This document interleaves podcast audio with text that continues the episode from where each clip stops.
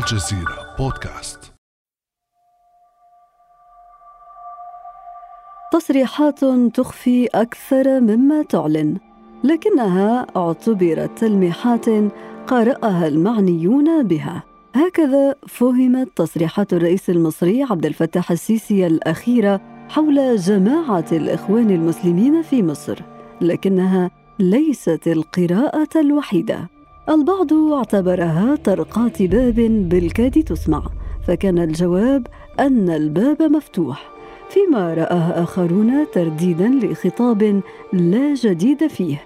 فما دلالة الحديث الأخير للرئيس المصري عبد الفتاح السيسي عن جماعة الإخوان المسلمين؟ وهل تصريحاته دعوة للحوار مع الجماعة؟ وكيف تفاعلت جماعة الإخوان معها؟ وهل حان وقت الحوار بين جماعة الإخوان والنظام في مصر.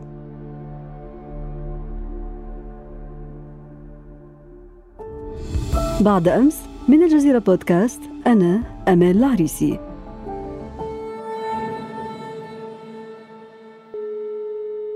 وينضم إلينا في هذه الحلقة دكتور خيري عمر الخبير في شؤون الحركات الإسلامية. أهلا وسهلا بك دكتور خيري. أهلا وسهلا. أطلقت تصريحات الرئيس المصري عبد الفتاح السيسي الأخيرة حول فكر جماعة الإخوان المسلمين سيلا من الجدل حول دلالاتها ومغزاها. تصريحات قرأت على أنها إشارات إلى إمكانية فتح حوار مع الجماعة لكنها إشارات غير مكتملة.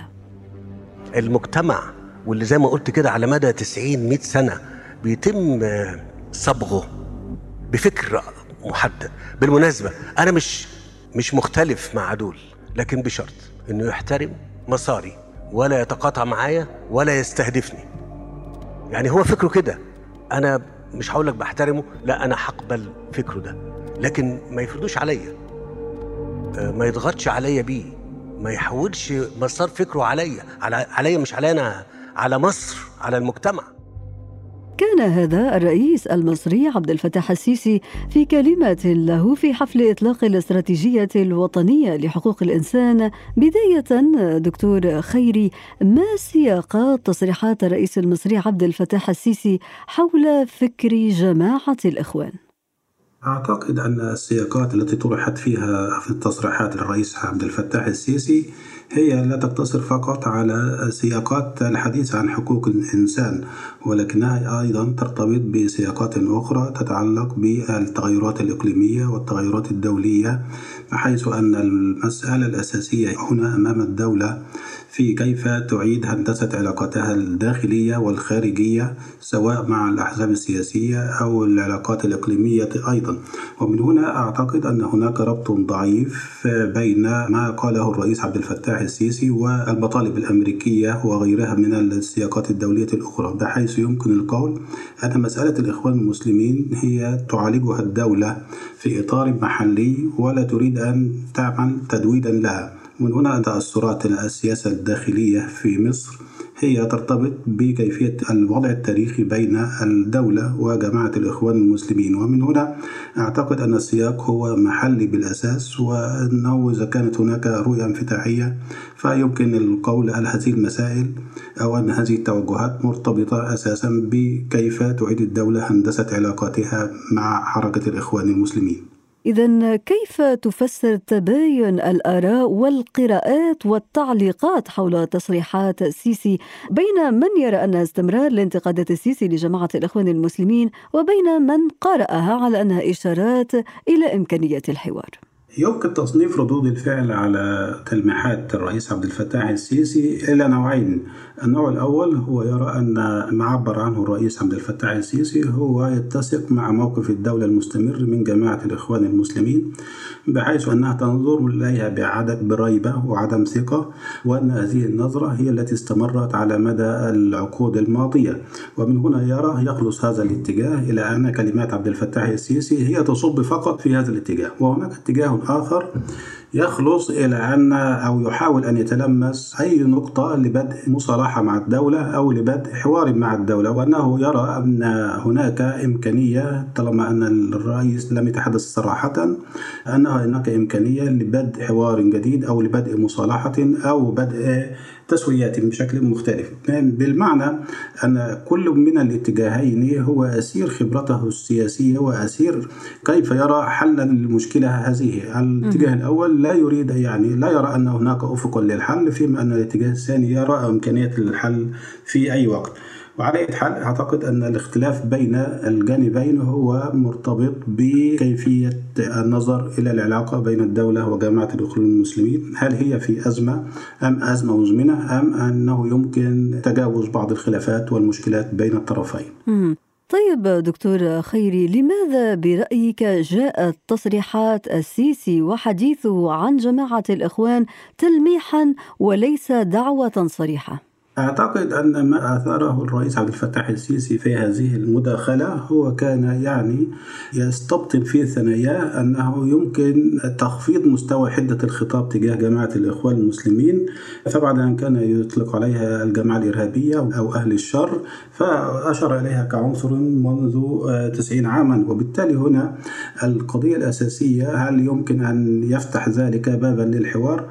أعتقد أن المسألة هي أعمق من ذلك هو وما أشار إليه الرئيس هو أن جماعة الإخوان تمثل مشكلة للدولة على مدى تاريخها. وبالتالي إذا كان من هناك من إمكانية لأن تكون ضمن المجتمع وضمن العمل العام فإنها لابد أن لا تشكل تهديدا للمشروع السياسي للرئيس أو للدولة بشكل عام. ومن هنا القضية الأساسية هنا أن هذا المستوى من التلميح يعني في تقديري لا يفتح بابا لأن تكون جماعة الإخوان بذاتها وككيان سياسي أو ككيان اجتماعي ضمن منظومات العمل التي تعمل وفق القانون في الدولة وبالتالي يغلب عليها التصنيف أنها حركة آه، إرهابية غير مرحب بها على هذا النحو من التنظيم وربما هذا يحيلنا للحديث دكتور خيري عن ما بات يعرف اعلاميا في مصر بقانون فصل الإخوان في مؤسسات الدولة أليس كذلك؟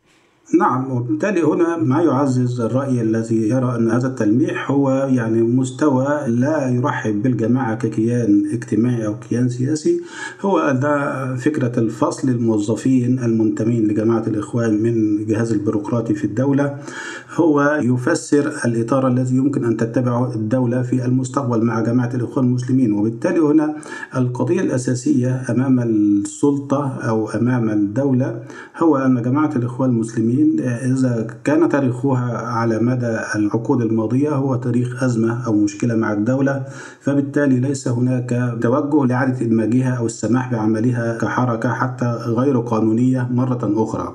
يعني كانت أيام مبارك كانت الفكرة تقوم أنها الجماعة غير قانونية لكن لها مقرات ولها أطر إدارية ويسمح لها بالعمل داخل جهاز الدولة.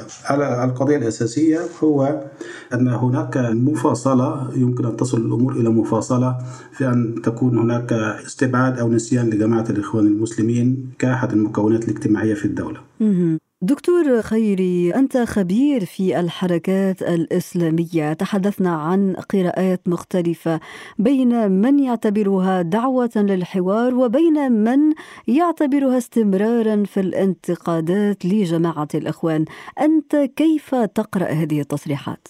أميل إلى أن ما طرح حتى الآن في مناسبات مختلفة هو انتقادات لجماعة الإخوان المسلمين وأنه لا يمكن التعايش بين جماعة الإخوان المسلمين على هذا النحو الذي تتبناه فكريا وتنظيميا بحيث أن الاتجاه العام أو الثقافة السياسية لأجهزة الدولة هي تميل إلى أن جماعة الإخوان المسلمين تمثل تهديدا لمكونات الدولة أو لطبيعة الدولة ليس فقط طبيعة الدولة فيما بعد يوليو ولكن طبيعة الدولة وقت الملكي أيضا. هناك أزمات حصلت بين الجماعة والدولة. ومن هنا ما أراه هنا أن فكرة التلاقي أو فرصة التلاقي بين الطرفين هي غير مرجحة لا في الحال ولا في المستقبل باعتبار أن الأزمات الممتدة هي يعني كافية لبناء ثقافة أو لبناء عدم ثقة بين الطرفين. في هذه الحالة دكتور خيري إذا كنت تستبعد التلاقي بين النظام المصري وبين جماعة الإخوان كيف تقرأ التجاوب مع إشارات الرئيس المصري عبد الفتاح السيسي التي تحدث عنها القيادي البارز في جماعة الإخوان المسلمين يوسف ندى في رسالة نشرت على أغلب منصات الإخوان؟ قال فيها إن باب الحوار مفتوح لكن دون شروط مسبقة. أعتقد أن ما قاله يوسف ندى في هذا الجانب هو لا يعبر مباشرة عن جماعة الإخوان المسلمين وهو قد أشار غير مرة إلى أنه لا يمثل وضعا تنظيميا داخل الجماعة. وبدون هذا التعبير أعتبره مستوى منخفضا لا يمثل مباشرة جماعة الإخوان المسلمين. ومن هنا أعتقد أن هذا المستوى من التعبير هو يعتبر نوعا من التهرب من المسؤولية وأنه ليس إجابة واضحة على ما طرحه الرئيس عبد الفتاح السيسي وخصوصا عندما قال أنه يمكن البدء بحوار دون شروط مسبقة واشترط أن يتم تطبيق المادة 241 وبالتالي هذا النوع من الشروط التي تفرضها جماعة الإخوان المسلمين لا يتسق مع الوضع السياسي حيث أن هناك فجوة كبيرة بين الدولة وجماعة الإخوان. يعني بعد مرور ثمانية سنوات على الأزمة أن حركة الإخوان المسلمين صارت مفككة ولا يعرف على وجه الدقة من يعبر عنها؟ هل المكتب في لندن أو مجموعة في إسطنبول أم القيادات في السجون؟ يعني هناك نوع من الثقافة التنظيمية داخل حركة الإخوان المسلمين تقول بأن كل القيادات التي تعمل في الخارج هي تستمد شرعيتها من المرشد العام ونوابه في السجون. وبالتالي ما قاله يوسف ندى في هذا الإطار أعتقد أنه ليس إجابة على ما طرحه الرئيس عبد الفتاح السيسي من تلميح. ومن هنا أعتقد أن ما قدم ليس جديدا ويبدو أن الجماعة ليست على استعداد لبدء حوار.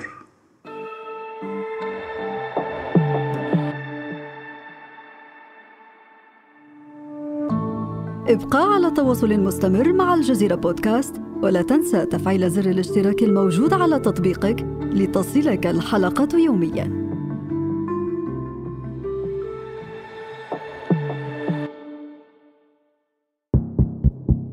دكتور خيري إذا أنت ترى أن جماعة الإخوان المسلمين غير مستعدة للبدء في حوار مع النظام المصري ولكن يبدو أن القائمة بأعمال المرشد العام لجماعة الإخوان المسلمين إبراهيم منير يرى خلاف ذلك. لنستمع إلى إجابته لسؤال مذيع قناة الجزيرة مباشر.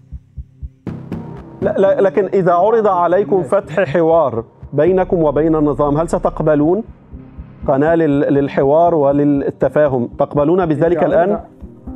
يعني بس هو في شيء لابد أن ننتبه إليه عفوا أن إحنا لا نمثل المعارضة كلها إذا عرض على هذه المعارضة ونحن جزء أساسا منها إذا عرض علينا ما يؤثر الأمر على الشعب المصري وما يؤثر الأمر على المعتقلين والمختطفين ولا أصحاب الدم الموجودين في مصر بالتأكيد لن نرفض ولو رفضنا نكون مخطئين بالتأكيد يعني.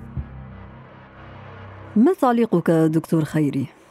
أتذكر هذا الحوار جيدا فأعرف المناسبة التي قيلت فيه وأرى أن هذا ما قاله نائب المرشد العام هو نوع من الهروب إلى الأمام وقد سيق هذا الحوار في إطار أن الفكرة الأساسية كان خرج هذا التصريح لمعارضة التقارب المصري التركي وأن هذه الأسئلة كانت عرضية في الحوار وأعتقد أن البناء على هذا التصريح ليس كافيا باعتبار أن الهدف الأساسي من هذا الحوار كان لتوجيه نقاط سلبية في العلاقة بين مصر وتركيا.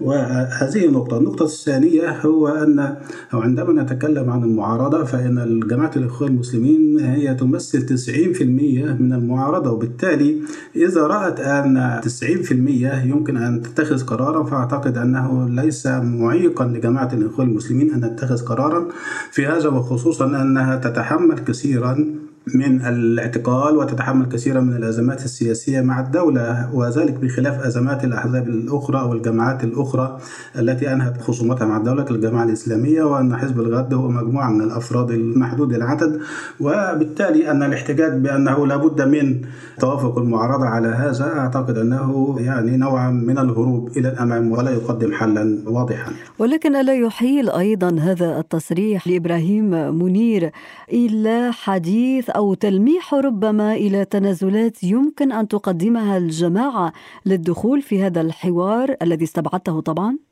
أعتقد أن فكرة التنازلات أن إذا ما تابعنا الخطاب السياسي لجماعة الإخوان المسلمين منذ 2013 وحتى الآن لم تقدم خريطة واضحة لما يمكن أن تتناوله أو تضعه أجندة الحوار مع الدولة سواء بالحوارات الواضحة أو خصوصا ما يتعلق بالتنازلات هي تكلمت فقط عن الشرعية وعندما توفي الرئيس مرسي قالت أن الشرعية للشعب وبالتالي هنا ليس هناك خط متصل يمكن البناء عليه واستخلاص أن هذه هي مطالب الإخوان التي يمكن التمسك بها والتي يمكن التنازل عنها. وإذا ما تكلمنا فيما يمكن التنازل عنه هو لم تطرح إجابات واضحة عن ماذا يمكن أن تتنازل عنه جماعة الإخوان المسلمين في مقابل المصالحة مع النظام أو في مقابل إقامة حوار أو في مقابل تسوية سياسية لبعض الأفراد أو لبعض القيادات في ظل ما أشرت إليه دكتور خيري من غياب لخارطة لنقاط واضحة لتنازلات جماعة الإخوان من أجل الدخول في حوار مع النظام المصري ما هي شروط نجاح هذا الحوار المحتمل برأيك بين الطرفين؟ في الحالة المصرية لا يمكن أن نتحدث عن حوار بين الدولة وجماعة الإخوان المسلمين لأسباب رئيسية لعل منها أن هناك فجوة واسعة بين سلطة الدولة وقوة الدولة وبين جماعة الإخوان المسلمين وأنه الدولة هنا لا تعتبر جماعة الإخوان طرفا في أي عمل سياسي بل أنها تعمل على استبعادها من الأساس. النقطة الثانية وهي ما يتعلق بتعريف جماعة الإخوان المسلمين بعد ثمانية سنوات. يعني جماعة الإخوان المسلمين الآن هناك يمكن أن تكون مقسمة إلى ثمانية أقسام. كل منها يريد أن يعبر أو يعتبر نفسه جماعة الإخوان المسلمين. وأن هذه الثمانية أقسام تقريبا هي مرتبطة أو تستمد شرعيتها من المنصب المرشد العام أو علاقتها بالمرشد العام. وبالتالي هنا أنه لا يمكن إقامة حوار في ظل هذا التفكك وهذه الانقسامات. حتى نضع كما يقال النقاط على الحروف. أين تكمن المشكلة في إطلاق حوار بين الطرفين من عدمه؟ هل المشكلة في تفكك جماعة الإخوان المسلمين أم في الشروط المسبقة التي يفرضها النظام على الجماعة؟ أعتقد أنها في تفكك جماعة الإخوان المسلمين. الشروط التي وضعها يضعها النظام هي موضوعة منذ سنة 54 وحتى الآن. وبالتالي لابد أن الجماعة تعيد تقديم نفسها مرة أخرى. هي كيف تكون أجندتها؟ وكيف تفكر في العلاقات المستقبلية أو سياستها المستقبلية؟ وحتى هذا الوقت فإنه ليس هناك فرصة لأن يقام حوار مع الدولة باعتبار أن تفكك جامعة الأخوة المسلمين لجماعات ثورية وجماعات استسلامية كما يعبر البعض وهناك أقسام غير معروفة وبالتالي نحن هنا أمام حالة خريطة يعني لا ترسل رسائل تطمين إلى الدولة من أن جماعة الإخوان المسلمين يمكن أن تندمج في النظام السياسي أو يمكن أن تخاصم النظام السياسي وبالتالي هنا ما يمكن أن يشار إليه بأن فكرة عدم الاعتراف بالنظام القائم هو يمكن تقرأه الدولة على أنه حالة تمرد وبالتالي إذا ما ظلت هذه الأمور على هكذا فأعتقد أن فكرة الحوار هي في حدها الأدنى إن لم تكن معدومة يعني دكتور خيري هل يمكن أن نفهم من كلامك أن تصريحات الرئيس المصري عبد الفتاح السيسي هي موجهة للخارج أكثر منها إلى الداخل؟ أعتقد أنها يعني ليست موجهة إلى الداخل ولا إلى الخارج. يعني هو يريد فقط أنه يبعث برسائل أن الدولة دائما ما تفكر في كل الأمور السياسية الداخلية والخارجية. يعني إذا ما راجعنا هذه المداخلة نلاحظ أنه تكلم في خمسة موضوعات من بينها جماعة الأخوة المسلمين وأن الأربعة موضوعات الأخرى هي قضايا حيوية بالنسبة للمجتمع. وبالتالي أن الوزن النسبي لجماعة الإخوان المسلمين في القضايا محل الاهتمام هو يمكن أن يكون وزن وزنا هامشيا. وبالتالي كيف نضع الإطار العام لحركة الإخوان المسلمين في ظل القضايا محل الاهتمام في الدولة؟ وبالتالي القضية الأساسية أو الموضوع الأساسي هنا هو كيف تندمج أو كيف تفكر جماعة الإخوان المسلمين في العودة إلى السياسة مرة أخرى بدل الزال أو الإصرار على موقف محدد من النظام القائم واعتباره غير مشروع أو اعتباره انقلابيا رغم أنه يعني هو في الطريق لتطبيق مشروعاته السياسية.